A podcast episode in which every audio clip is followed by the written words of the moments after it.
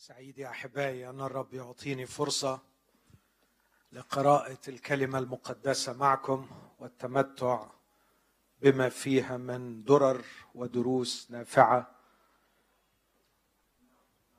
أثق أن الرب لم يخزلنا قط في كل مرة اقتربنا إليها بإخلاص برغبة صادقة إن إحنا نتعلم أن تقودنا الكلمة إلى محضره وتعطينا فعلا أن إحنا نشعر به ونفهمه ونستنير.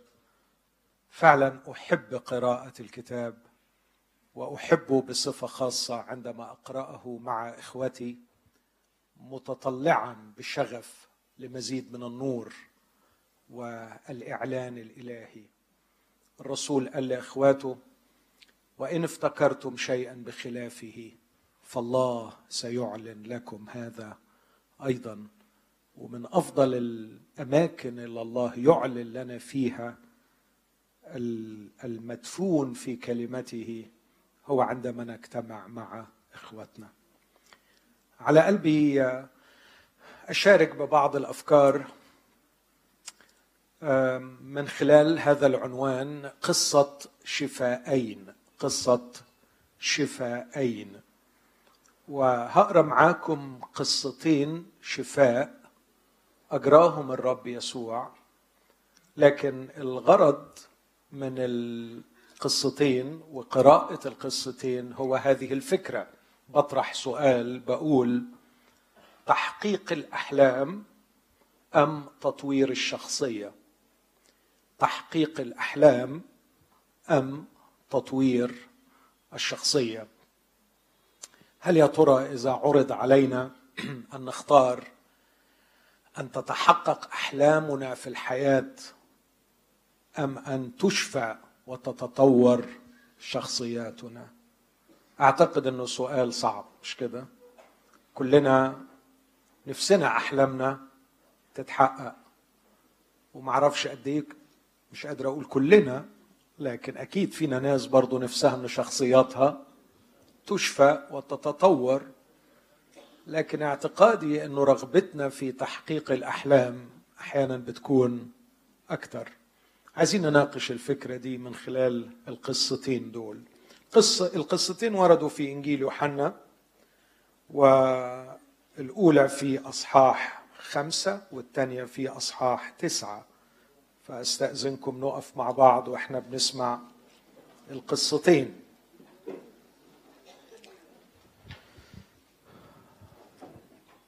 يوحنا خمسة وبعد هذا كان عيد لليهود فصعد يسوع إلى أورشليم. وفي أورشليم عند باب الضأن بركة يقال لها بالعبرانية بيت حزدة. له لها خمسة أروقة. في هذه كان مضطجعا جمهور كثير من مرضى وعمي وعرج وعسب يتوقعون تحريك الماء.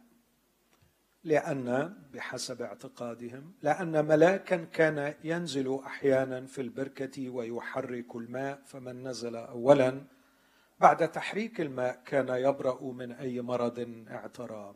كان هذا هو اعتقادهم. عدد خمسة يواصل الكلام اللي في عدد ثلاثة ونقدر نحط عدد أربعة بين قوسين. وكان هناك إنسان به مرض منذ ثمان وثلاثين سنة. هذا رآه يسوع مضطجعا. وعلم أن له زمانا كثيرا فقال له أتريد أن تبرأ؟ أجابه المريض يا سيد ليس لي إنسان يلقيني في البركة ما تتحرك الماء بل بينما أنا آت ينزل قدامي آخر. قال له يسوع قم احمل سريرك وامشي. فحالا برئ الإنسان وحمل سريره ومشى وكان في ذلك اليوم سبت. فقال اليهود للذي شفي إنه سبت لا يحل لك أن تحمل سريرك. أجابهم إن الذي أبرأني هو قال لي احمل سريرك وامشي. فسألوه من هو الإنسان الذي قال لك احمل سريرك وامشي؟ أما الذي شفي فلم يكن يعلم من هو. لأن يسوع اعتزل. إذ كان في الموضع جمع. بعد ذلك وجده يسوع في الهيكل وقال له ها أنت قد برئت فلا تخطئ أيضا لئلا يكون لك أشر. فمضى الإنسان وأخبر اليهود أن يسوع هو الذي أبرأه ولهذا كان اليهود يطردون يسوع. ويطلبون أن يقتلوه لأنه عمل هذا في سبت. فأجابهم يسوع أبي يعمل حتى الآن وأنا أعمل. فمن أجل هذا كان اليهود يطلبون أكثر أن يقتلوه لأنه لم ينقض السبت فقط. بل قال أيضا إن الله أبوه معادلا نفسه بالله. القصة الثانية قصة شفاء المولود أعمى. موجودة في إنجيل يوحنا صح تسعة. وفيما هو مجتاز أي الرب يسوع رأى إنسانا أعمى منذ ولادته.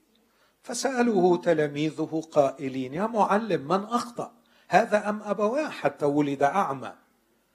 أجاب يسوع لا هذا أخطأ ولا أبواه لكن لتظهر أعمال الله فيه. ينبغي أن أعمل أعمال الذي أرسلني مدام نهار. يأتي ليل حين لا يستطيع أحد أن يعمل. ما دمت في العالم فأنا نور العالم. قال هذا وتفل على الأرض وصنع من التفل طينا وطلى بالطين عيني الأعمى. وقال له اذهب اغتسل في بركة سلوام الذي تفسيره مرسل. فمضى واغتسل وأتى بصيرا. فالجيران والذين كانوا يرونه قبلا إنه كان أعمى قالوا أليس هذا هو الذي كان يجلس ويستعطي؟ آخرون قالوا هذا هو وآخرون إنه يشبهه وأما هو فقال إني أنا هو. فقالوا له كيف انفتحت عيناك؟ أجاب ذاك وقال إنسان يقال له يسوع. صنع طينا وطلع عيني وقال لي اذهب إلى بركة سلوام واغتسل. فمضيت واغتسلت فأبصرت. فقالوا له أين ذاك؟ قال لا أعلم. فأتوا إلى الفريسيين بالذي كان قبلا أعمى وكان سبت حين صنع يسوع الطين وفتح عينيه. فسأله الفريسيون أيضا كيف أبصر. فقال لهم وضع طينا على عيني واغتسلت فأنا أبصر. فقال قوم من الفريسيين هذا الإنسان ليس من الله لأنه لا يحفظ السبت. آخرون قالوا كيف يقدر إنسان خاطئ أن يعمل مثل هذه الآيات؟ وكان بينهم انشقاق قالوا أيضا للأعمى ماذا تقول أنت عنه؟ من حيث أن إنه فتح عينيك. فقال إنه نبي. فلم يصدق اليهود عنه أنه كان أعمى فأبصر حتى دعوا أبوي الذي أبصر فسألوهما قائل قائلين أهذا ابنكما الذي تقولان إنه ولد أعمى؟ فكيف يبصر الآن؟ أجابهم أبواه وقالا نعلم أن هذا ابننا وأنه ولد أعمى وأما كيف يبصر الآن فلا نعلم أو من فتح عينيه فلا نعلم. هو كامل السن اسألوه فهو يتكلم عن نفسه. قال أبواه هذا لأنهما كانا يخفان من اليهود لأن اليهود كانوا قد تعاهدوا أنه إن اعترف أحد بأنه المسيح يخرج من المجمع. لذلك قال أبواه إنه كامل السن اسألوه. فدعوا ثانية الإنسان الذي كان أعمى وقالوا له اعطي مجدا لله. نحن نعلم أن هذا الإنسان خاطئ. فأجاب ذاك وقال أخاطئ هو؟ لست أعلم. إنما أعلم شيئا واحدا أني كنت أعمى والآن أبصر. فقالوا له أيضا ماذا صنع بك؟ كيف فتح عينيك؟ أجابهم قد قلت لكم ولم تسمعوا. لماذا تريدون أن تسمعوا أيضا؟ لعلكم أنتم تريدون أن تصيروا له تلاميذ؟ فشتموه. وقالوا له أنت تلميذ ذاك. وأما نحن فإننا تلاميذ موسى. نحن نعلم أن موسى كلمه الله وأما هذا فما نعلم من أين هو؟ أجاب الرجل وقال لهم إن في هذا عجبا. إنكم لستم تعلمون من أين هو وقد فتح عيني. ونعلم أن الله لا يسمع للخطاة ولكن إن كان أحد يتقي الله ويفعل مشيئته فلهذا يسمع. منذ الدهر لم يسمع أن أحدا فتح عيني مولود أعمى. لو لم يكن هذا من الله لم يقدر أن يفعل شيئا. أجابوا وقالوا له في الخطايا ولدت أنت بجملتك وأنت تعلمنا؟ فأخرجوه خارجا. فسمع يسوع أنهم أخرجوه خارجا فوجده. وقال له أتؤمن بابن الله؟ أجاب ذاك وقال من هو يا سيد لأؤمن به؟ فقال له يسوع قد رأيته والذي يتكلم معك هو هو. فقال أؤمن يا سيد. وسجد له. آمين. هذه هي كلمة الرب. خلونا نحني قلوبنا لمدة دقيقة ونطلب من الرب أن يجذبنا إلى محضره وأن يعطينا تعليما من كلمته.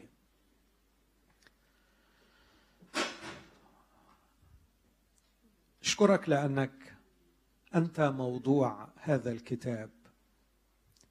فعندما تكلم أناسك القديسون مسوقين من الروح القدس كنت أنت هناك حاضر في كيانهم كنت أمام خيالهم كنت في مشاعرهم وأفكارهم سواء أدركوا أو لم يدركوا.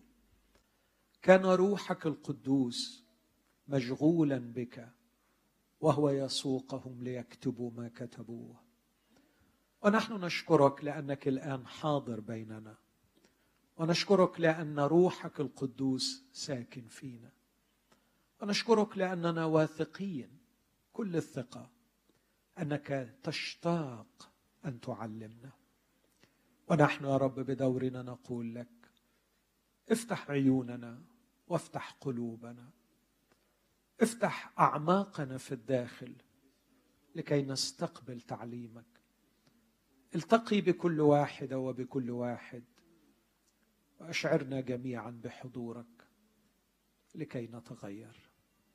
أبانا في اسم المسيح استجب لنا. آمين.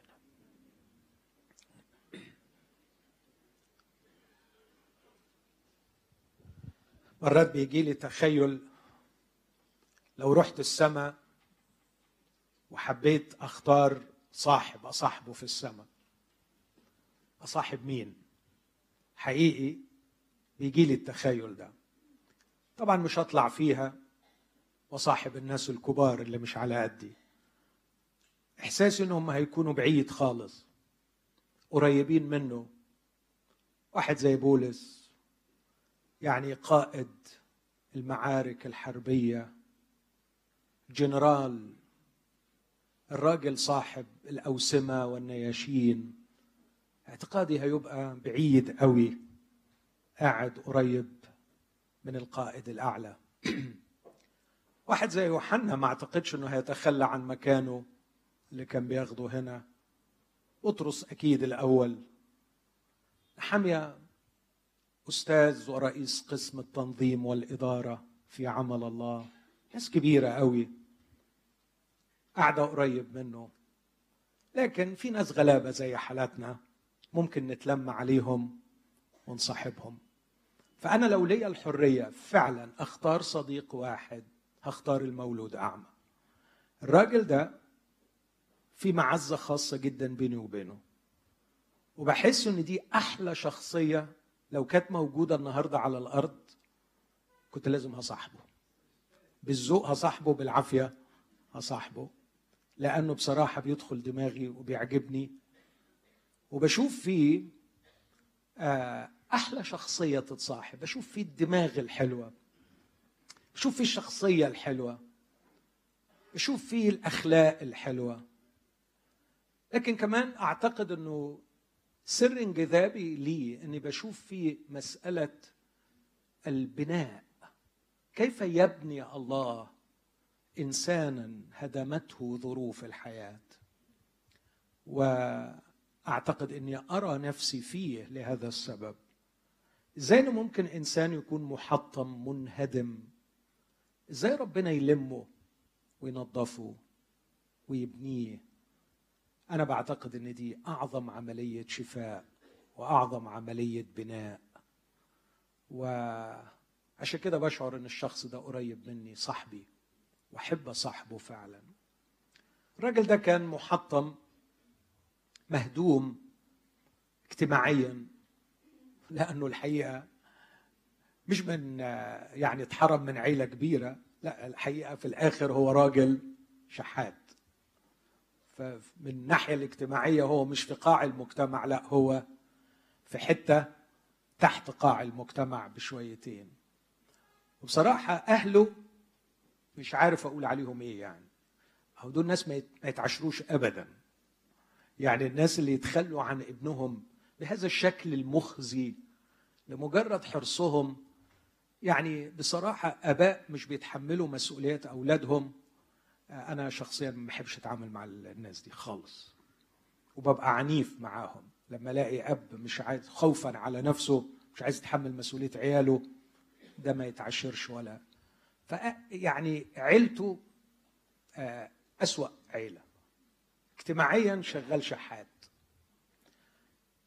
فيزيكالي أو صحيا ألمت به كارثة المسكين الغلبان لم يرى النور قط. طه حسين تقريبا فقد بصره وهو سنه ثلاث سنين ونص أربع سنين. شاف النور ثلاث أربع سنين. ده عمره ما شاف النور. وطه حسين كتب قصيدة مرة يخاطب فيها أمه يقول لها يا أمي تحكين كثيرا عن القمر كما أشتاق أن أراه لم يرى القمر لم يرى النور.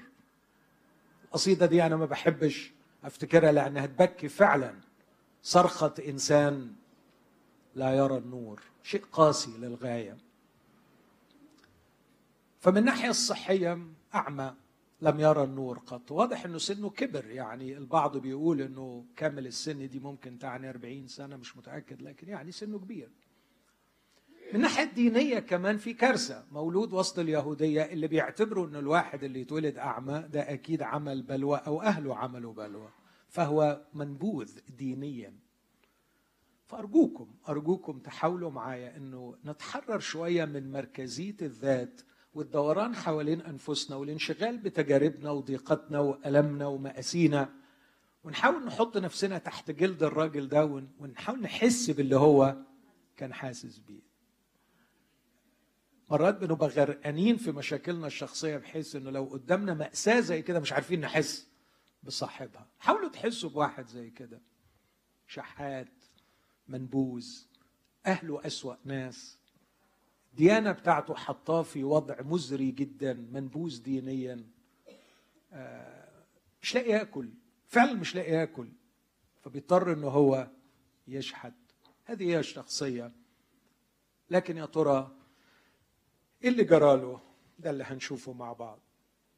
الشخصية الثانية اللي حابب أقابل بينهم هي شخصية مريض بركة بيت حزن. ودي واحدة من الشخصيات اللي ما أحبش أعرفها. ولا حتى لو جالي العيادة أحب أعالجه بصراحة يعني. أعالجه أكيد طبعا من الأخلاق يعني لكن لكن يعني بصراحة ما أحبوش يطول معايا شخصية لا تحتمل. والاثنين حصلت معاهم معجزات عجيبة وغريبة. طبعا يسوع أحسن مني يعني علشان ما حدش. فدي نعمة. لكن أنا بقول اللي في قلبي. أنا شايف في تشابهات بين القصتين وفي اختلافات.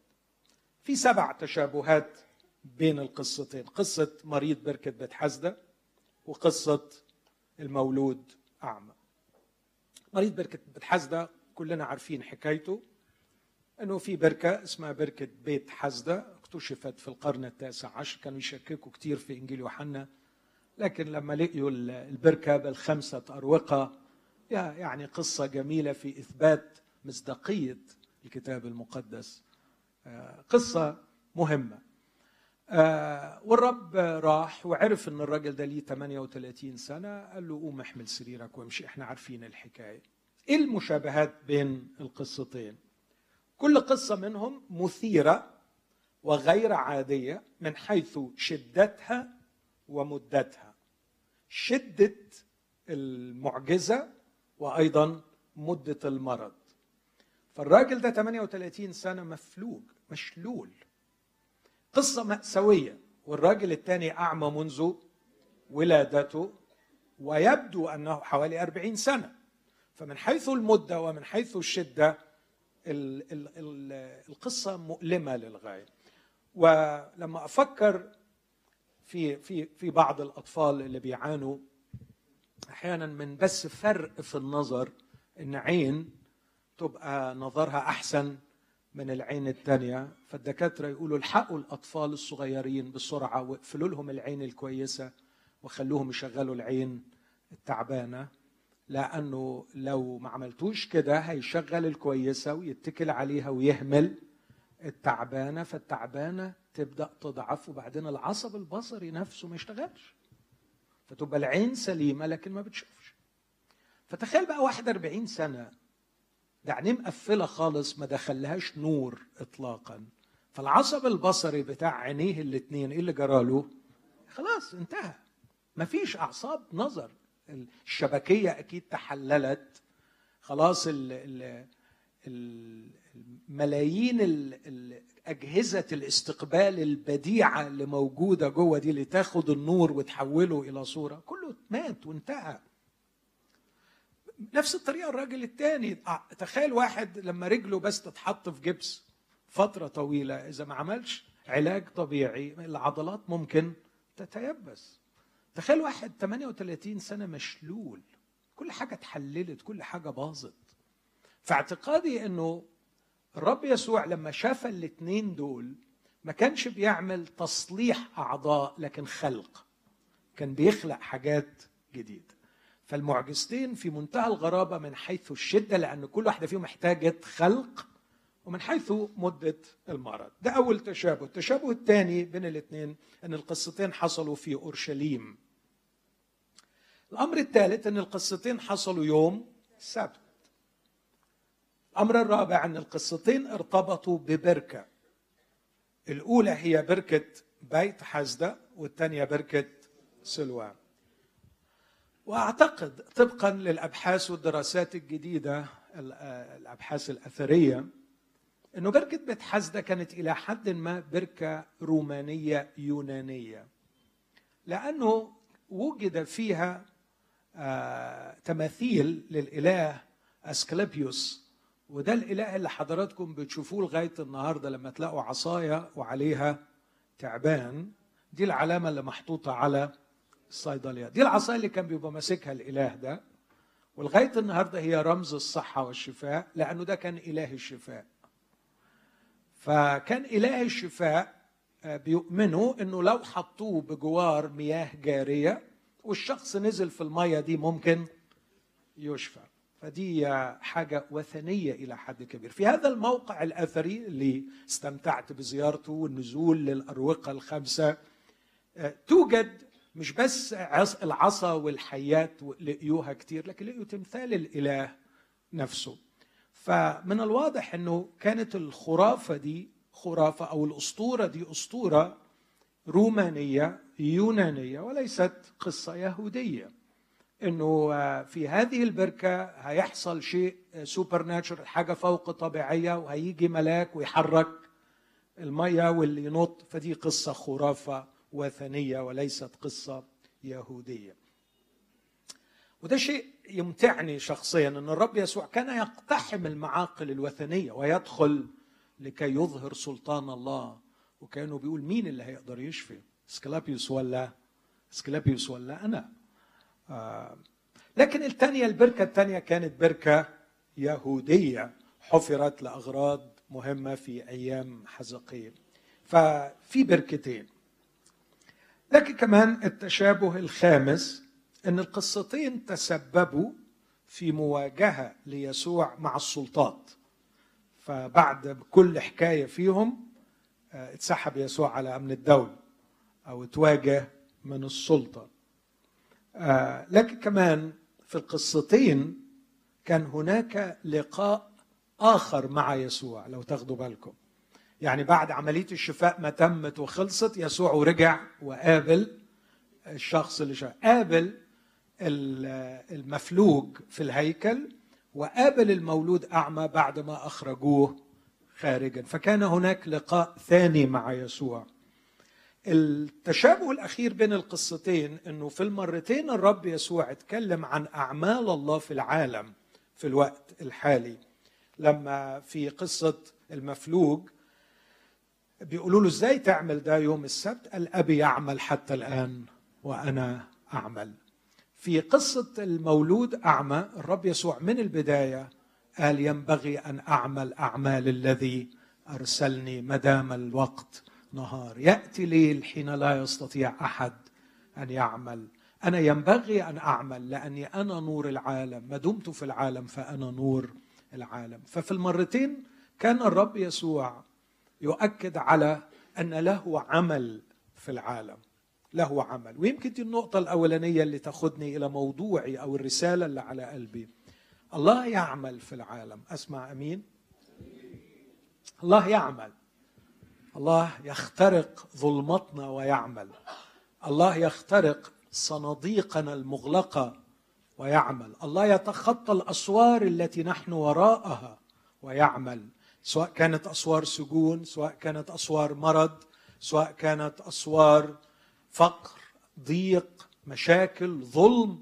ما فيش سور يقف قدامه ويمنعه انه هو يدخل ويعمل. أمين؟ أتمنى يكون عندنا الاقتناع ده أن الله قادر أن يتخطى أي أسوار يخترق أي أسوار ويصل إلينا حيث نكون ويمد يده ويعمل. والرب يسوع بيطمنا وبيأكد لنا وبيقول أبي يعمل حتى الآن وأنا أعمل. وهو لازم يعمل. كأنه حتى بيقول ما, ينفع ما فيش لا سبت ولا حد أبويا لازم يعمل وأنا مع أبي نعمل. آه ما أعتقدش إن في ناس كتير عندها شك في إنه بيعمل.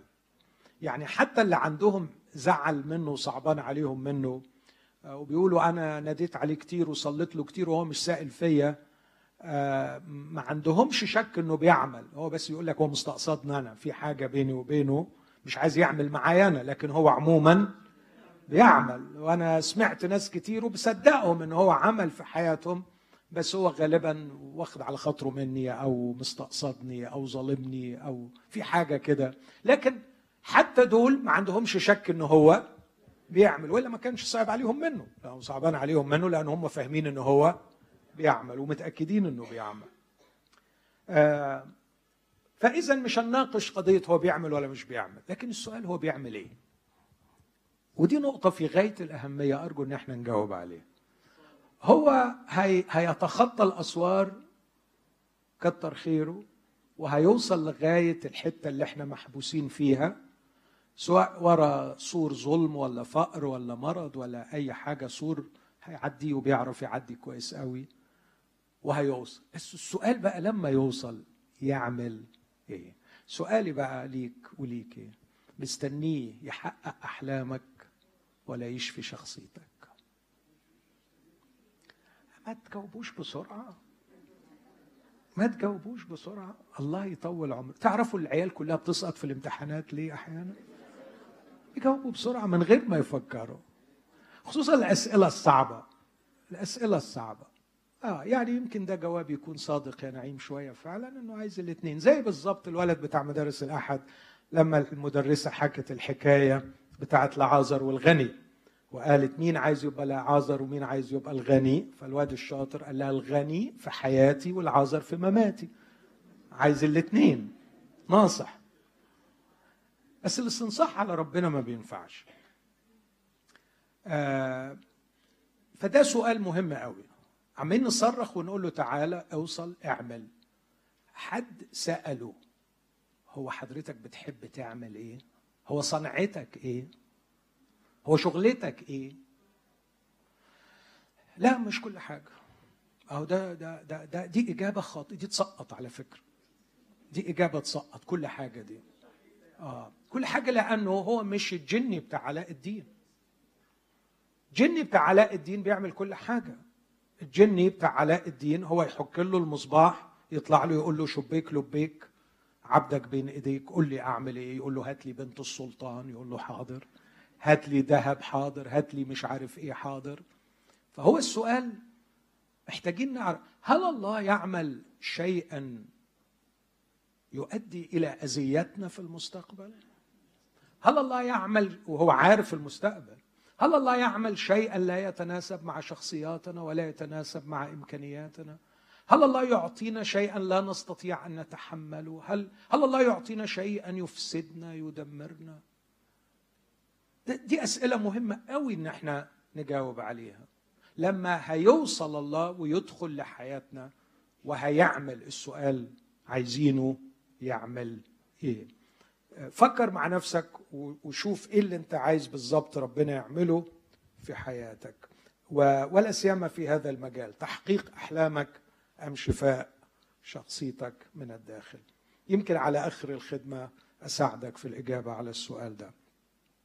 لكن زي ما في سبع مشابهات في سبع اختلافات بين القصة الأولى والثانية. الاختلاف الأول أن الأول نال الشفاء فورا وبكلمة اللي هو المفلوج قم أتريد أن تبرأ؟ ليس لي قم أحمل سريرك أو أحمل سريرك وامشي. قام وحمل سريره ومشي. نال الشفاء فورا وبكلمة. لكن الثاني نال الشفاء على مرحلتين ومن خلال عمل. الرب تفل صنع من الطفل طينا طلع عينيه ففي فعل فعل يعني في وسيلة استخدمها الرب وليس بكلمة. والرب كان يقدر يشفي مباشرة ويقدر يشفي بطريقة غير مباشرة. واعتقد إنه فكرة إنه عمل حاجة عايز يحط مبدأ إنه من الممكن أن يستخدم وسيلة من أجل الشفاء ما نتجاهلهاش آه، ومش عايز أدخل في مفهوم اليهود في ذلك الوقت ومفهوم الثقافة عن الطفل وعن الطين وإلى آخره. لكن مبدئيا خليني أقول إنه لم يكن الشفاء مباشر لكن كان من خلال وسيلة. وكان على مرحلتين طلب الطين عيني وبعدين قال له روح اغتسل. وده مشوار مش قليل مشي يعني أنا متخيله لما يمشي عبر وادي قدرون ويعدي مسافة كبيرة من جوه أورشليم ليطلع خارجها ويروح لبركة سلوام ويغتسل وهو ماشي عينيه كلها مطينة. أعتقد أنه كان شيء غريب وصعب. الأمر الثاني الاختلاف بين القصتين أنه الراجل الأولاني لم يعرف يسوع وما كلفش نفسه يسأل هو أنت اسمك إيه. ودي بصراحة حاجة من الحاجات اللي تخلي الشخصية دي سخيفة. يعني يا بني آدم أنت ليك 38 سنة عيان ملطوع ما بتعملش حاجة خالص. وأخيرا واحد جه حن عليك وشفاك وحبك. طب كلف روحك قول له حضرتك اسمك إيه؟ يا أخي ده أنا بتكسف أتكلم مع واحد دقيقتين من غير ما أعرف اسمه. بسأله أنت اسمك إيه؟ ولما بنسى اسمه وده اللي غالبا بيحصل ببقى في نص هدومي إن أنا مكسوف ومش عارف اسمه إيه. وأنت واحد عامل معاك معروف بالحجم ده. تسألوش اسمك إيه. لما سألوه اليهود هو مين؟ قال ما أعرفش. فعلا ما يعرفش. لكن الثاني يقول إنسان يقال له يسوع. صنع من التفل طينا وطلع عيني. وقال لي اذهب اغتسل. فاغتسلت وها أنا أبصر. عارف يسوع. فالأولاني ما عرفوش الثاني عرفه. واضح من القصة أن الأول نال شفاء الجسد. فقط لكن الثاني نال شفاء الجسد وشفاء الروح لأنه انتهى به الأمر ساجدا عند قدمي يسوع. أربعة الاختلاف الرابع واحد أبلغ السلطات عن يسوع والثاني دافع دفاعا مستميتا أمام السلطات عن يسوع. هنشوف الدفاع بتاعه وروعته محامي بارع. أبولوجيست من أعلى مستوى حاجة راقية كده لما نتفرج عليه بجد نفتخر بيه وتحب تصاحبه. واحد الأولاني ده الاختلاف الخامس في الهيكل ولسه بيعمل خطية. لما قابلوا يسوع المرة الثانية قالوا ها أنت قد برئت فلا تخطئ أيضا. الكلمة في ترجمات إنجليزية كتيرة stop sinning بطل بقى. بطل البلا اللي انت بتعمله. بطل خطية. لئلا يصير لك اشار كفاية. انت ما اتعلمتش بس لاحظ ده فين في الهيكل ويخطئ. التاني يا حبيب قلبي بره وبيسجد. وجده يسوع خارجا. ولما اتكلم معاه عمل إيه؟ وأقول إن هذه تلخص الكثير اليوم فكم من المتدينين في الهياكل يخطئون وكم من المطرودين خارج الهياكل يسجدون. ويبدو أن الأماكن لا تستطيع أن تخلق في الإنسان حالة القداسة ولا حالة العبادة. فمن يريد أن يعيش القداسة يعيشها في أي مكان ومن يريد أن يعبد يعبد في أي مكان. لكن هذا الرجل في داخل الهيكل يخطئ ويصنع الشر. والثاني مطرودا خارج الهيكل وهو يسجد ويعبد. الأماكن لا تملك سرا ولا سحرا ولا قوة تخلق في الناس قداسة أو تخلق في الناس عبادة. خلاص لا في هذا الجبل ولا في أورشليم. اللي بيعيشوا في محضر الله جوه الهيكل بره الهيكل هم دول اللي هيسجدوا. لكن الهياكل عمرها ما بتعرف تجيب سجود. الاختلاف السادس واحد ظهر فيه عمل إبليس وآخر ظهر فيه عمل الله. ليه بقول ظهر فيه عمل إبليس؟ لأنه من ذلك الوقت بسبب الراجل ده وشكايته على يسوع ابتدأ اليهود يطردون يسوع ويطلبون أن يقتلوه. وطبقا ليوحنا 8 العمل ده الرب يسوع قال إن ده من مين؟ من إبليس. قال لهم بيقولوا له إحنا أولاد إبراهيم؟ قال لهم لا. أنتم من أب وهو إبليس وشهوات أبيكم تريد أن تعملوا لأنكم تريدون أن تقتلونني وأنا إنسان كلمكم بالحق. ذاك كان قتال للناس منذ البدء. فالراجل الشرير ده راح يتحد مع القتلة علشان يعملوا جريمة قتل يسوع. يبقى ده من إبليس. يعني ممكن واحد الرب يسوع يعمل معاه معجزة شفاء ويبقى ابن لإبليس؟ محدش بيجاوبني. ممكن واحد ربنا يعمل معاه معجزة شفاء ويبقى ابن لإبليس؟ الراجل ده آه ابن لإبليس. وشرير. ونهايته سودة. لكن حصل على معجزة شفاء. آخر حاجة نمرة سبعة. لما الرب يسوع بيقول له أتريد أن تبرأ؟ قال له ما عنديش حد. كلهم سابوني. حدش بيسأل فيا. أنا وحيد. طيب أهو الرب يسوع شفاك. جم اليهود وقالوا له إزاي تشيل سريرك؟ ماليش دعوة. هو اللي قال لي. واخدين بالكم من الشخصية دي؟ في المرض يلوم وفي الشفاء يلوم. في المرض يلوم ويلقي باللائمة على الآخرين وفي الصحة أيضا يلوم ويلقي باللائمة على هو متبرمج على إنه يلاقي حد يرمي عليه المسؤولية. متبرمج إنه يلاقي حد يلومه. شخصية فعلا مريضة مش كده؟ شخصية مريضة. ما يعرفش غير يدين ويلوم ويلاقي حد. عمره ما بيقول أنا. أنا. أنا وحش. أنا غلطان. أو أنا أتحمل مسؤولية اللي أنا عملته. أنا أتحمل مسؤولية الكلمة اللي قلتها. أنا أتحمل مسؤولية الفعل. ودي على فكرة أبعد ناس عن الخلاص. الأشخاص الذين لا يستطيعوا أن يتحملوا مسؤولية أفعالهم. اللي ما يقدرش يقف يقول أنا غلطان. ده عمره ما هينال الشفاء ولا الخلاص. واحد يلقي في المرض يلوم وفي الشفاء يلوم. لكن الثاني في المرض يخضع وفي الشفاء يسجد. عجبي من هذا الرجل. مولود أعمى. المجتمع ضده الدين ضده حتى تلاميذ المسيح ضده. بجد حاجة سخيفة إنه ومش بعيد حبيب قلبي سمعهم. وهم ماشيين معدين عليه وعلى حس عماه يعملوا مناقشة لاهوتية. أهذا أخطأ أم؟ هو ده اللي تعرفوا تعملوه. الراجل الراجل مسحوق جنبيكم. كل اللي تعرفوا تعملوه تتناقشوا عليه كتابيا ولاهوتيا. هو الراجل ده في البلوى اللي هو فيها هو اللي أخطأ أم أبواه. يعني غلبان من كله. وبعدين يفاجأ إن يسوع بيعمل طين ويطير له وشه. يخضع. يخضع. جميل. يخضع. ويقول له روح بالطين بتاعك والعيال تتمسخر عليك. تمشي في الشوارع تغتسل في بركة سلوان.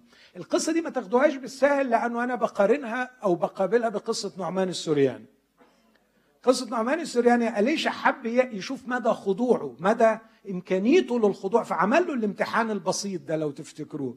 روح اغطس في الأردن سبع مرات. إيه الكلام الفاضي ده؟ إيه ده؟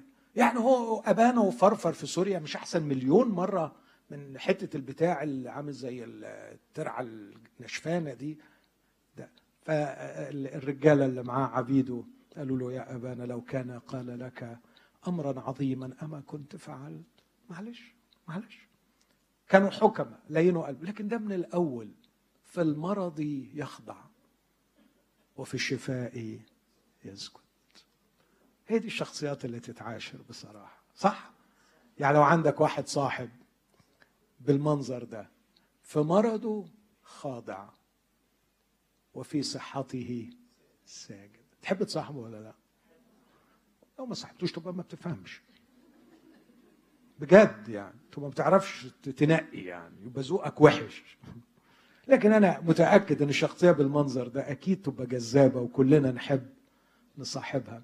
لكن أنا أتمنى مش إن إحنا نقول نصاحبها لكن أتمنى إن إحنا كلنا نقول يا رب أنا نفسي أنا أكون الشخص ده اللي, فعلا الناس تحب إنها تصاحبه لأنه في ضيقه وفي ألمه. ليس هذا النوع النقاء الزنان عارفين النوع؟ كان في سحلية محرم على اليهود أكلها في لوين 11 اسمها السحلية النواحة. فأنا كنت بدور هو ليه السحالة دي ما كانتش تتاكل. فلقيت لكل سحلية اسم وكل سحلية تدي ممكن صفة معينة. بس دي واحدة من السحالي اللي ممنوع. نكسة ما تتاكلش مكروهة. نواحة groaning lizard يعني عمالة تعمل إيه ها؟ تئن على طول. زنانة زنانة زنانة. منين ما تقعد معاه ما بيعرفش غير إن هو ولازم يلاقي حد يتزن عليه. يعني لازم يلاقي حد يتلام. لو ما لقيش حد خالص ويبقى عمره سبعين سنة يقول لك أصل أمي وأنا عندي خمس سنين. سابتني وراحت عند أهلها يا عم دي عدى عليها 65 سنة. والست ماتت في القبر وشبعت موت. خلاص بطل لكن مش لاقي حاجة يرمي عليها لأنه هو متبرمج على أنه يلاقي حد ينق عليه ويزن عليه ويلقي اللوم عليه. لكن الراجل ده محترم. في مرضه يخضع وفي شفائه وصحته يسجد. إيه الاختلافات؟ الرسائل بقى اللي موجودة في القصة دي اللي عايز أعدي عليها بسرعة. نحن لا نحتاج إلى القوة لكننا نحتاج إلى البصيرة. نفكر في الموضوع ده من فضلكم. الراجل الاولاني نال قوة ولا بصيرة؟ قوة. عمل إيه بالقوة؟ يا ريته مك... يا ريته كان قعد مكسح. لو كان قعد مكسح ما كانش ارتكب جريمة الإبلاغ عن يسوع. تعرفوا إيه اللي خلاه يروح لليهود ويبلغ عن يسوع فيطلبوا أن يقتلوه؟ رجليه. رجليه. يبقى لو كانت قاعد مكسحة كان يبقى أحسن. طبعا كلكم موافقين. بس أنا نفسي نطبق الكلام ده على روحنا. الراجل التاني ما نالش قوة لكن نال بصيرة. وأنا نفسي صلاتي أنا فعلا هصلي بكده الليلة. يا رب أنا مش عايز قوة أنا عايز بصيرة اشرق عليا وافتح عينيا خليني أشوف خليني أشوف. نحن نحتاج القوة لكي ننجز ما نريد بينما تنقصنا البصيرة لكي نعرف حقيقة ما نريد. فكر في اللي بقوله لك ده. المأساة الحقيقية مش إنه نقصك شيء. المأساة الحقيقية إن أنت مش عارف فعلا حقيقة اللي ناقصك. نفسي أصرخ بأعلى صوتي في وجه كل إنسان وأقول له احتياجك الحقيقي أنت مش عارفه. أنت مش عارفه. في راجل عبقري عمل فيلم راجل روسي ملحد ملوش علاقة بربنا عمل فيلم والفيلم كله ما فيهوش غير ثلاث ممثلين. والفيلم اسمه ذا روم. The Room الحجرة.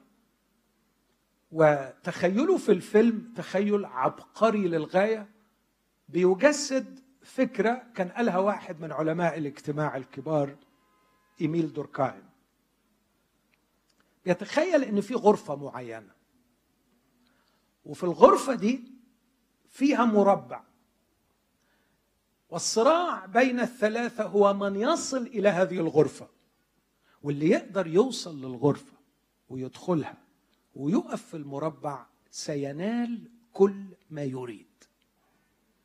وبيوري لك الصراع بتاع الثلاثة ويوري لك التردد والرعب أول ما الواحد فيهم يوصل للأوضة ويشوف المربع.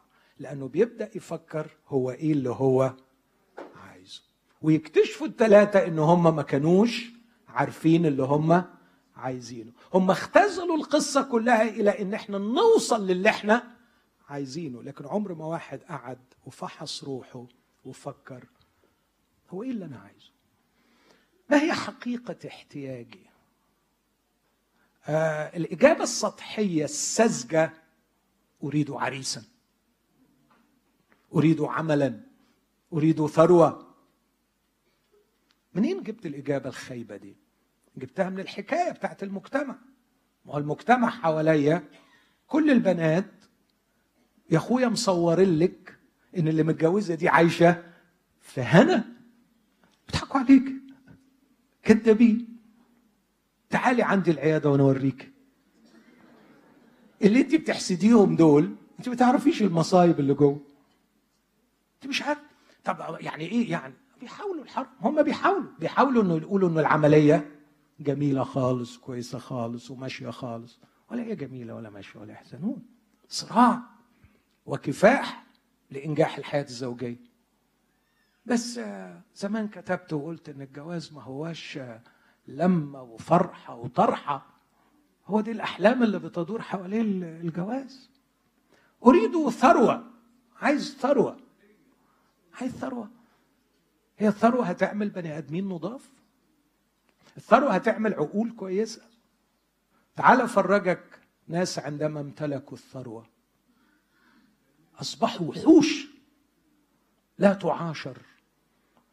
أقول الصدق أمام الله ما تستحملش تقعد معاهم خمس دقائق وحوش.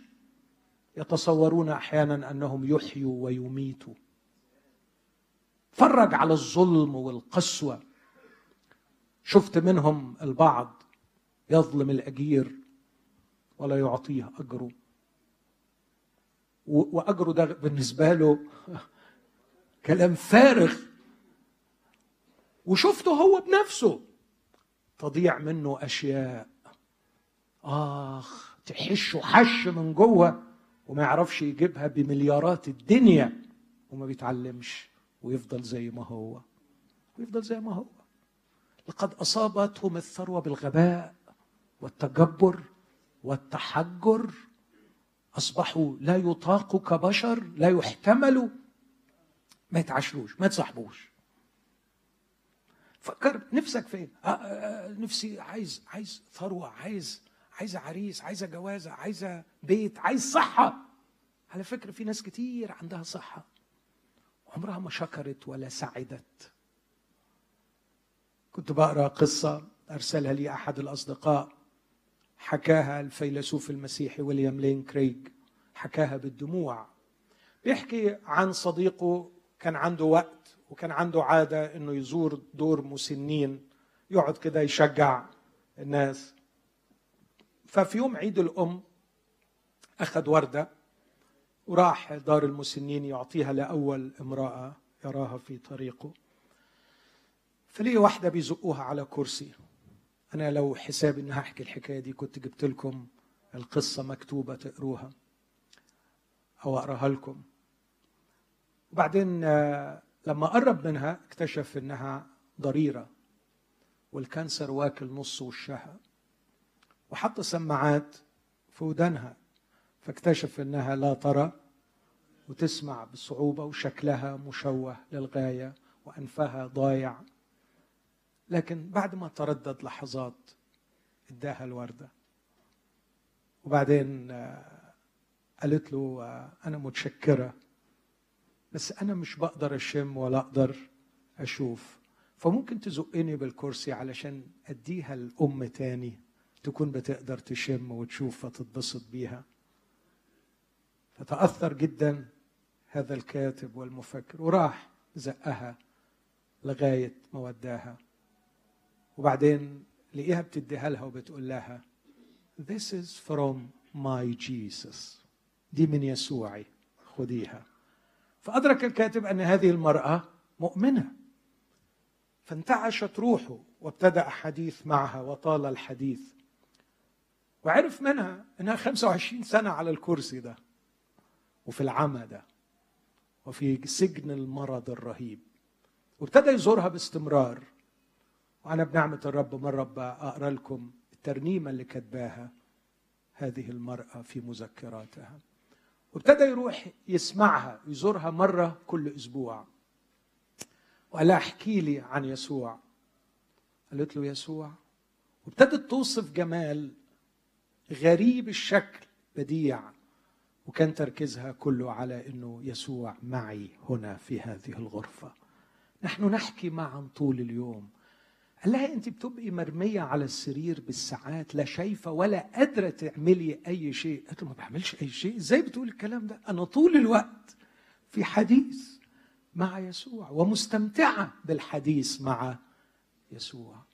لقد ارتقت الروح فوق سجن الجسد. واستطاعت أن تتخطى كل حواجز المرض. وحضرت الروح في حضرة الحبيب ورأت الجمال الذي لا تراه عين الجسد. واستطاعت أن تستمتع متعا لا يستطيع الحصول عليها. الأصحاء وهم في جسد مكتمل القوة والصحة يعيشون بمنتهى القوة والصحة. لكي يفسدوا ويفسدوا ويتذمروا ويكتئبوا. ولا يعرفوا شيئا عن حلاوة العلاقة. إخوتي نحن لا نعرف احتياجاتنا الحقيقية. اختم النقطة دي بكلمة قالها اللاهوتي الألماني مولتمان يقول نعيش ونحن نظن أن أعمق أعمق احتياجاتنا هو أن تتحقق رغباتنا. ونحن لا ندري أن أعمق أعمق احتياجاتنا أن نجد شخصا عظيما يشعرنا أننا نحن أنفسنا مرغوب فينا. مش إني أحصل على رغبتي لكن أن شخص عظيم يرغبني يرغبني. ومين هو الشخص العظيم؟ نحن نحتاج للبصيرة يا أحبائي. هذا ما حدث هذا هو الفارق بين هذا الرجل الذي حصل على القوة فأساء استعمالها. وهذا الذي حصل على البصيرة فخر عند رجلي يسوع. سجوده عند رجلي يسوع ده كان بصيرة.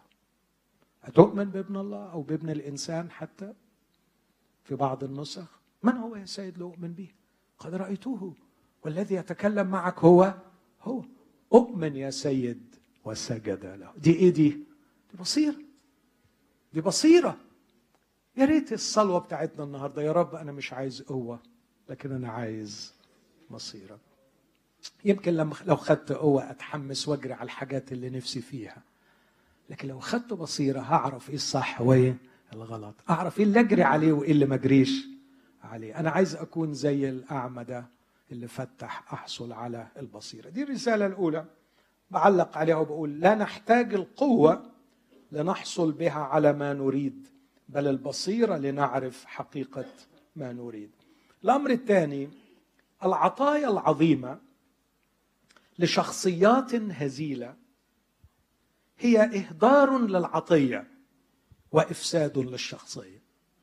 توافقوني على الكلام ده؟ العطايا العظيمة للشخصيات الهزيلة هو إهدار للعطية وإفساد للشخصية. ده اللي حصل مع الراجل. دي خلاصة حكاية الراجل. خد عطية عظيمة ولا مش عظيمة العطية اللي خدها؟ شفاء من الشلل بعد 38 سنة. طب عمل إيه في العطية دي؟ رماها في التراب. رماها في التراب. عمل بيها جريمة. طب وكانت النتيجة؟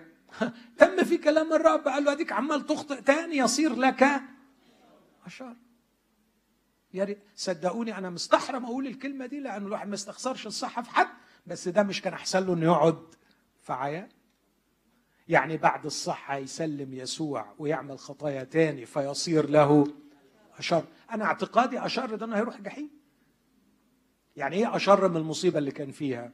واحد 38 ساعة عايز. أعتقد إنه مش باقي له غير جحيم. فالعطايا العظيمة لشخصيات هزيلة. إهدار للعطية وإفساد للشخصية. عشان كده لو أنت حكيم تجاوب على السؤال اللي أنا قلته في بداية الوعظة. أنت عايز تحقيق الأحلام ولا شفاء الشخصيه أقول له لا يا رب اشفي لي شخصيتي. وخلينا ابقى شخصية سوية شخصية كويسة. علشان لما تحط في إيدي عطية كبيرة ولا عطية صغيرة أعرف أستعملها كويس وأعرف أصونها وأعرف أستعملها لبركة الناس. وتبقى لبركتي لكن المصيبة يا رب لو حطيت في إيدي حاجة وأنا شخصيتي بايظة. لو عايزين كلمة إخلاص حق قد إيه الشخصيات البايظة في المجتمع الكنسي؟ مش هقول نسب لكن النتيجة محزنة. النتيجة محزنة جدا. قد إيه اللي عارفين الكتاب كويس؟ كتار. قد إيه اللي يوعظوا كويس؟ كتار. قد اللي شخصياتهم كويسة؟ مفيش إيدك والأرض. ضياع. إنك تلاقي حد هيلثي سوي. شخصيته مرتاحة. تطمن له تأمن له. تعرف إنه بكرة أحسن من النهارده. كلامه تصرفاته أخلاقه سلوكه. الشخصيات المشفية قليلة للغاية لأننا لا نطلبها. إذا ليس المهم العطية التي نطلبها مهما كانت عظمتها لكن المهم هو الشخصية التي ستتمسك بهذه العطية أو التي ستمسك بهذه العطية. الأمر الثالث هناك أناس يستغلون وقت التجربة لشفاء وتطوير الشخصية. وهناك من يهدرونه في التذمر والرثاء للنفس. كل اللي طلع بيه بعد 38 سنة ليس لي إنسان. أنا أنا مقطوع من شجر. أنا حظي وحش. أنا أنا أنا أنا أنا. الثاني كان جميل. يعني أعتقد أنه طبعا لقاؤه بالرب يسوع فيه شيء معجزي. بس اعتقادي إن الراجل ده بجماله البديع ده ده ما ما هبطش عليه في لحظة ما عينه يعني فتحت. يعني اعتقادي إن البصيرة كانت اوريدي ابتدت استجابة عمل لعمل روح الله في الداخل يعني قبل ما تفتح عينيه قبل ما يحصل على البصر كانت البصيرة موجودة. لأنه الردود اللي رد بيها والطريقة اللي وقف بيها يا ابني يا حبيبي انت كنت في مدرستي عشان تتعلم ده. يقول لي كنت في مدرسة الألم يا ابني يا حبيبي كانت إيه الظروف العدلة علشان تبقى بالجمال ده؟ يقول لي ما كانش فيه ولا حاجة واحدة عدلة. يا ابني ده انت لو عايز تلوم انت كل حاجة حواليك تتلام. ده انت تقدر تلوم أهلك. يتلاموا ولا ما يتلاموش؟ يتلاموا وتقدر تقوم تلوم مجتمعك وتقدر تلوم دينك وتقدر تلوم كل حاجة حواليك وتقدر تلوم ربنا. يعني تقول هو أنا فقري من دول الناس أنا اللي اتولد. أعمى. لكن ما كانش بيلوم. واستغل التجربة لشفاء وتطوير الشخصية. فخرجت لنا شخصية من أروع ما يكون. بينما الآخر ظل طول فترة مرضه لا يعمل إلا أن يلوم. وعشان كده بعد ما خف وشفي ما عرفش يعمل حاجة غير إنه يلوم. أنت إزاي تشيل السرير مش أنا مش أنا روح لومه اللي شفاني. طب خلي عندك شوية ذوق ده شفاك. لا لا يرمي اللوم على أي حد لأنه ما يعرفش غير إنه هو يلوم. هناك أناس يستغلون وقت التجربة لتطوير الشخصية وشفائها وهناك من يهدرون في التذمر والرثاء للنفس. فحتى إذا حصلوا على العطية اسمعني الناس دول يهدرونها ويلومون العاطي ويصيرون إلى حال اردى يضيعوا العطية ويلوموا اللي عطاهم وبعدين هم يصيروا إلى حال اردى أختم بقى بصاحبي. لو تسمحوا لي أصاحبه يعني. أو هو لو يسمح لي إن أنا أصاحبه. حبيبي ده فعلا. كان نفسي أعرف اسمه بس أكيد في السماء هعرف اسمه. أنا مصر أدور عليه وأعرفه بجد وأقعد معاه وأتعرف عليه أكتر لأني منبهر بشخصيته. هعلق على بعض التصرفات اللي تبين جمال شخصية صاحبي ده. اولا الحكمة الطاهرة. يقول عن الحكمة الطاهرة في رسالة يعقوب صح ثلاثة مذعنه الحكمة الطاهرة مذعنه يا حبيبي يا ابني أنا هشفيك بس طريقتي في شفائك إن أطين عينيك. اعتقادي إنه زي بارتيماوس ربما كان سمع طرطيش كلام عن يسوع. فلما لقي دوشة معدية قال هو مين معدي؟ قالوا له ده يسوع ابن داوود. فكان بيصرخ صراخ شديد يقول يا يسوع يا ابن داوود. فواضح إنه مش بعيد يكون سمع عن يسوع قبل كده. فكأنه بيقول بص أنا سمعت عنك حاجات كتيرة حلوة. أنا ما شفتش منك حاجة شخصيا لكن كل اللي سمعته عنك إنك صالح. فحتى لما تطين عينيا عينيا وتطين عينين واحد أعمى أنا هخضع أنا مش فاهم. مش فاهم. وبعدين أنا سمعت عنك إنك فتحت عينين العمي بإنك لمست بإنك قلت. عرفت إنك حتى شفيت الراجل المفلوج من غير أي حاجة وقلت له قوم قام. بس لأني واثق فيك وواثق في حكمتك عايز تطين عينيا عايز تطين مناخيري عايز تطيني كلي. أنا أنا أفهم أكتر منك. أنا عارف إن أنت ما بتعملش حاجة غلط وأنا بخضع لك. شخصية حلوة ها؟ آه مش بقول إن الطين كويس ابدا. بس لو الطين جاي من إيدين يسوع وتحت إشراف يسوع يبقى أكيد هيعمل حاجة. أكيد أخرتها مع يسوع مش طين. لكن أكيد أخرتها بصيرة وده اللي حصل مش كده؟ فهو كان عنده قناعة إن أنت حلو. فأكيد آخرتها معاك. حلوة. يبقى حكاية الطين على عناية دي حاجة إيه؟ مؤقتة. وأكيد أنت ليك حكمة أنا مش فاهمها. فخلاص أديني. هنفذ التعليمات. فعنده عنده حكمة طاهرة مذعنه الحاجة الثانية الجميلة في شخصيته الحكمة التي تظهر في التمييز والحب والدقة في الكلام. عنده دقة رهيبة في الكلام. مرات نسمع كلام كتير ويبقى من حد فيلسوف كبير. بعدين يعني أفضل تعبير بحب أوصف بيه الكلام ده أقول ده كلام شحاتين. أقصد إيه بكلام الشحاتين؟ أنتوا عارفين كلام الشحاتين. الشحاتين عندهم كام كلمة؟ خصوصا اللي بيدخلوا في في القطر.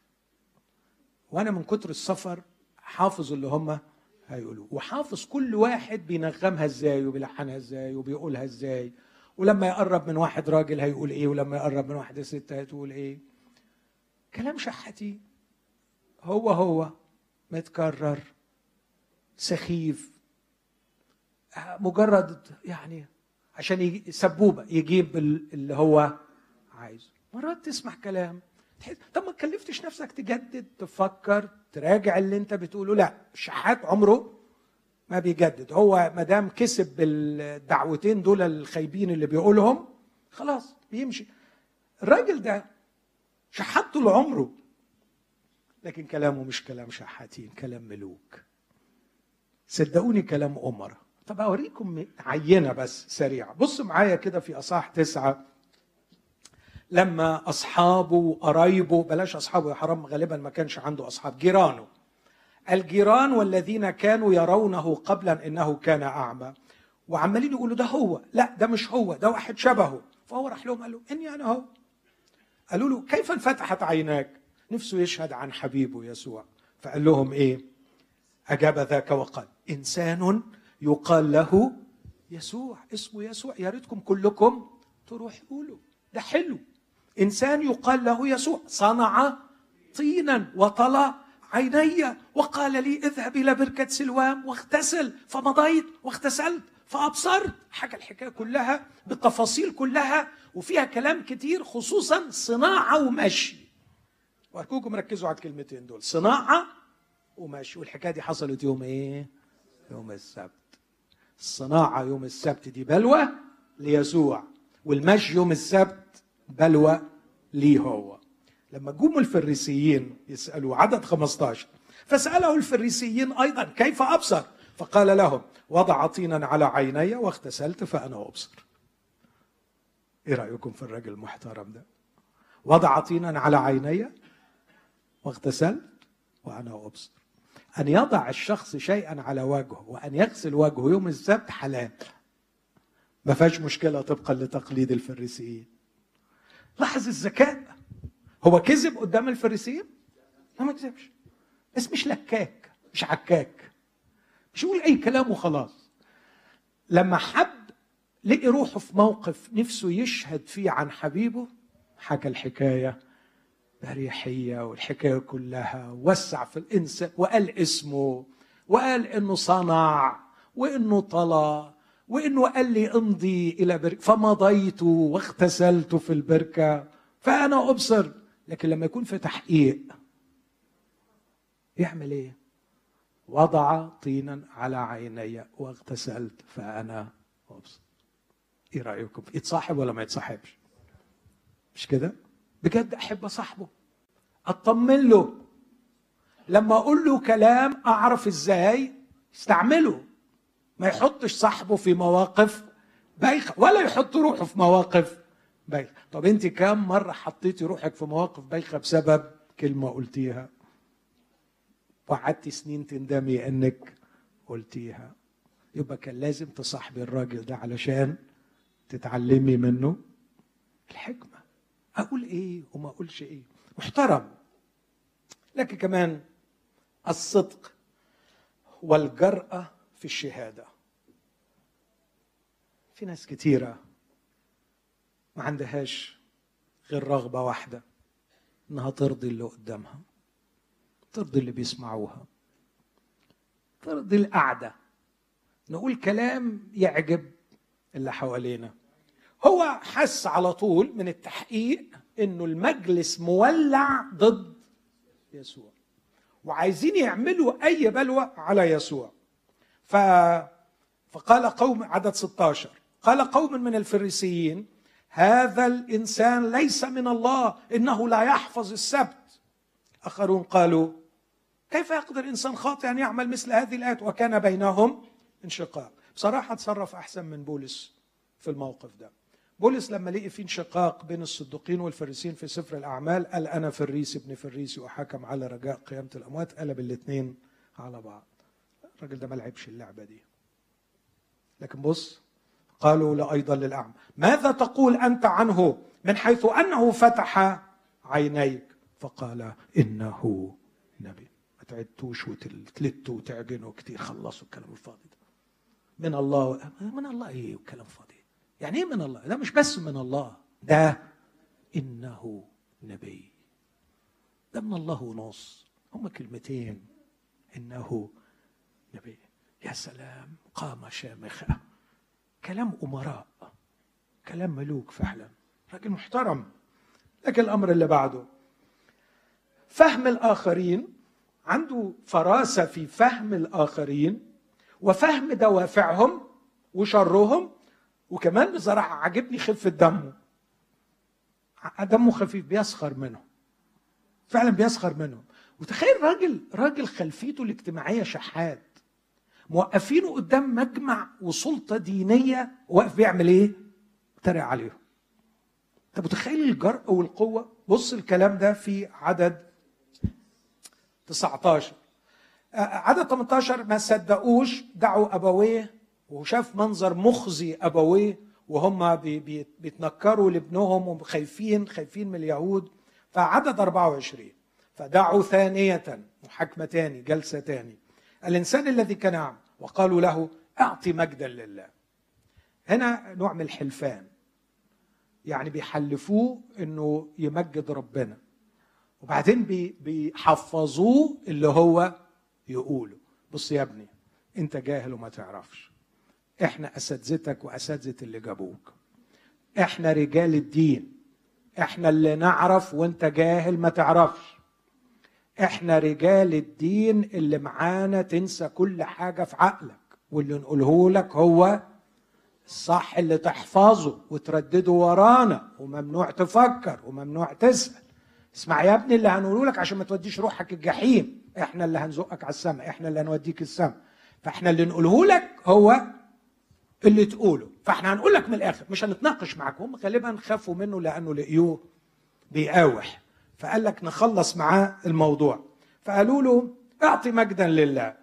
نحن نعلم أن هذا الإنسان خاطئ. إحنا بنعلم. إحنا بتوع العلم نعلم. يبقى أنت تخرس خالص وتقول ما دام أنتوا يا علماء بتقولوا إنه خاطئ يبقى هو خاطئ. اتفرج على الرد بقى. قال لهم أخاطئ إنه هو؟ لست أعلم. أنا مش زي حضراتكم. أنا مش بتاع علم. أنا ما درستش فقه وفلسفة ودين ولاهوت زيكم. أنا ما فهمش. أنا لست أعلم. إنما أعلم شيئا واحدا. أني كنت أعمى. والآن أبصر. واو. واو. واو على الروعة. وكأنه بيقول له اخرس أنت وهو. أنا عندي دليل يسد عين الشمس. أنا مش سمعت حكاية ولا قريت كتاب. ولا عملت محاجة وفلسفة الفرغة زي بتاعتكم أنا اختبرت. أنا كنت أعمى والآن أبصر. تقعدوا بقى تتناقشوا وتتفلسفوا وتقولوا خاطي ولا مش خاطي كلامكم ده كله ما يلزمنيش. أنا اختباري يسد الحنوك. كنت أعمى والآن أبصر. إيه الجمال ده؟ إيه الروعة بتاعت الراجل؟ إزاي جاب الرد ده؟ أقول الصدق في المسيح إني في حالة انبهار أمام فيلسوف عظيم وراقي. إيه يا ابني الجمال؟ ده جبت منين الرد ده؟ بعدين لقيوا روحهم سكتوا. ف فقالوا له فقالوا له طبعا اتلخم. ماذا صنع بك؟ كيف فتح عينيك؟ بص هنا السؤال بيرجعوا تاني للحتة اللي هو لمها على بعضيها. وما قالش حتة صنع. وما قالش أمضي علشان لا يلبس يسوع تهمة ولا هو يلبس تهمة. فقالوا له هم ماذا صنع بك؟ يعني برضو بيحطوا له الكلمة علشان يقول إيه؟ صنع. بص الرد. فقال له قلت لكم ولما أنا قلت. جميل ولا مش جميل؟ أستاذ. بجد أستاذ. قلت لكم ولم تسمعوا. لماذا تريدون أن تسمعوا أيضا؟ لعلكم أنتم تريدوا أن تصيروا له دي بقى حتة ألم. حتة قلم خدوه دماغهم ونت. وما عرفوش يردوا. فابتدوا يقولوا أدبهم يشتموا. راحوا شاتمين ودي حجة الضعيف. لما ما يعرفش يرد يقل أدبه ويشتم. بس هو فعلا كان قصد يغيظهم بقى. يعني زنقهم في هو أنتوا إيه الحكاية؟ بتعدوا وبتليتوا وبتعجنوا ما تكونوش عايزين تبقوا تلاميذه طبعا هو فاهم إن دي آخر حاجة في الدنيا هو أنتوا بتسألوني عنه كتير ليه؟ عايزين تعرفوه؟ عايزين يعني تعرفوا عنه أكتر؟ نفسكم تكونوا تلاميذه؟ فشتموه وقالوا أنت تلميذ ذاك وأنا اعتقادي أنه سيظل يروح ويجيء في السماء وكل سكان السماء يهنئونه بأروع نشان يشيرون إليه بالبنان قائلين إنه تلميذ ذاك إنه تلميذ ذاك. وفي الحقيقة عندما أرى وقفته أمام الفريسيين وأرى وقفة يسوع أمام بيلاطس لا يصعب علي ابدا أن أقول إن هذا التلميذ ذاك. اللي بيعرف يتكلم كده في المحاكمة ده أكيد متلمذ عند رجلي يسوع. أنت تلميذ ذاك.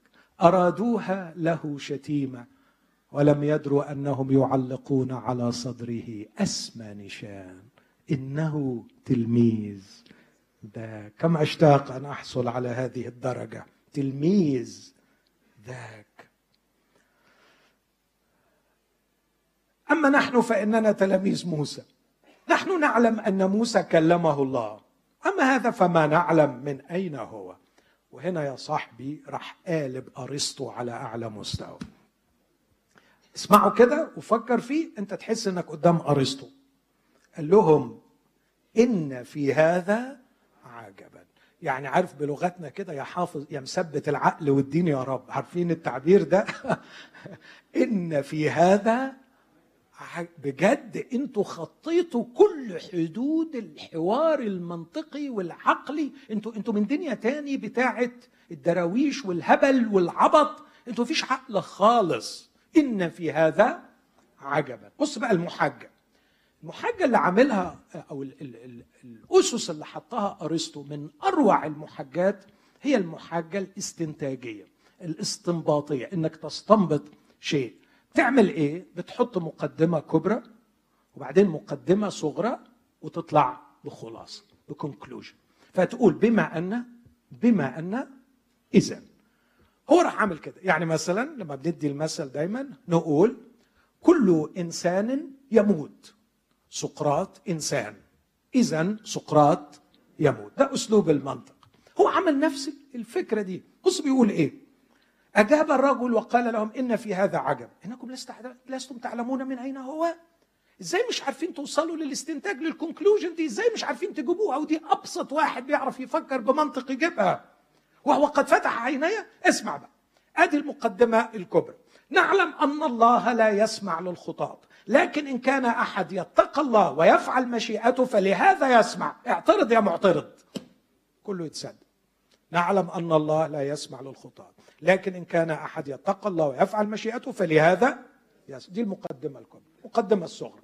منذ الدهر لم يسمع أن أحدا فتح عينيه مولود أعمى وهذا الشخص قد فتح عيني.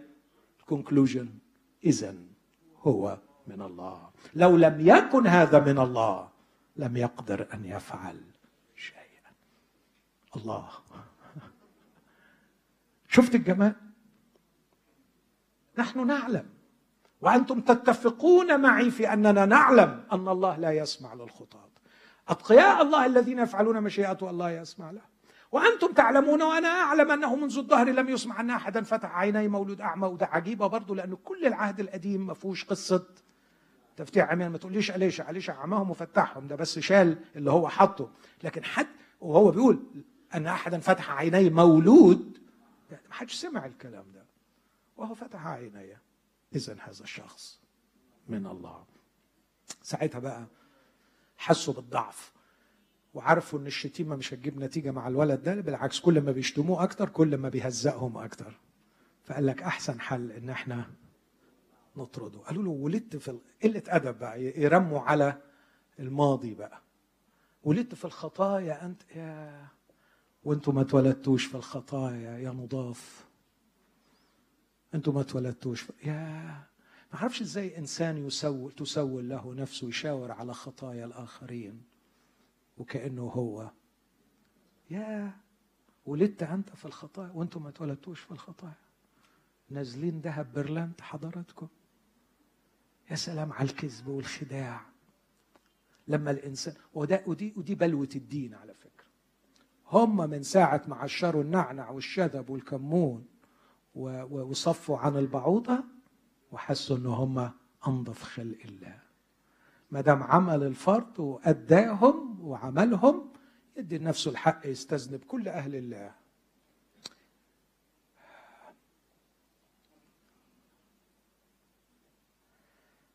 الإيمان البسيط متى توفر الدليل. شفت المأوحة بتاعته؟ شفت الحجة والمنطق شفت الدماغ بتاعته بس الدماغ دي كلها اتفرج عليها قدام يسوع. الحمل قدام الراعي. بيقول له أتؤمن بابن الله؟ مين هو يا سيد؟ الذي رأيته والذي يتكلم معك. هو هو. فقال أؤمن يا سيد. وسجد. إيه ده؟ مش كأنكم قدام واحد تاني؟ إيه الجمال ده؟ إيه ده؟ أنت وديع قوي كده؟ ولطيف جدا. يقول لا حبيبي الوديع على بتاع. دي هي دي الحقيقة. عندما يكون هناك الدليل واضح إنها حماقة أن تقول أنها ظلام والشمس مشرقة. إنها حماقة حماقة كبيرة أن تقول أن الشمس مشرقة والدنيا ظلام. لقد أخذت البصيرة وصرت أعرف ما يرفض وما يقبل. الإيمان البسيط متى؟ تحقق الدليل. لكن الإيمان مصحوب بالعمل. من غير حد قال له اسجد للمسيح؟ لكن هو آمن. إيه ده؟ أنت ابن الله؟ هو أنت؟ يبقى لازم أعمل إيه؟ طب يا ابني ما حدش قال لك. البصيرة. وسجد له. وأخيرا أقول النمو في معرفة المسيح. لقد بدأ بأنه إنسان يقال له يسوع. ثم إنه نبي. لكن أخيرا هو ربي. وأسجد له. ماذا تريد؟ تحقيق الأحلام أم شفاء وتطوير الشخصية؟ تنال شفاء المفلوج أم بصيرة المولود؟ أعمى. أرجو أن نقف جميعا ونحن نسبح الرب مع سامح ونصلي أن ينعم علينا الرب بهذه البصيرة التي تغير حياتنا والتي تجعلنا نعرف حقيقة احتياجنا.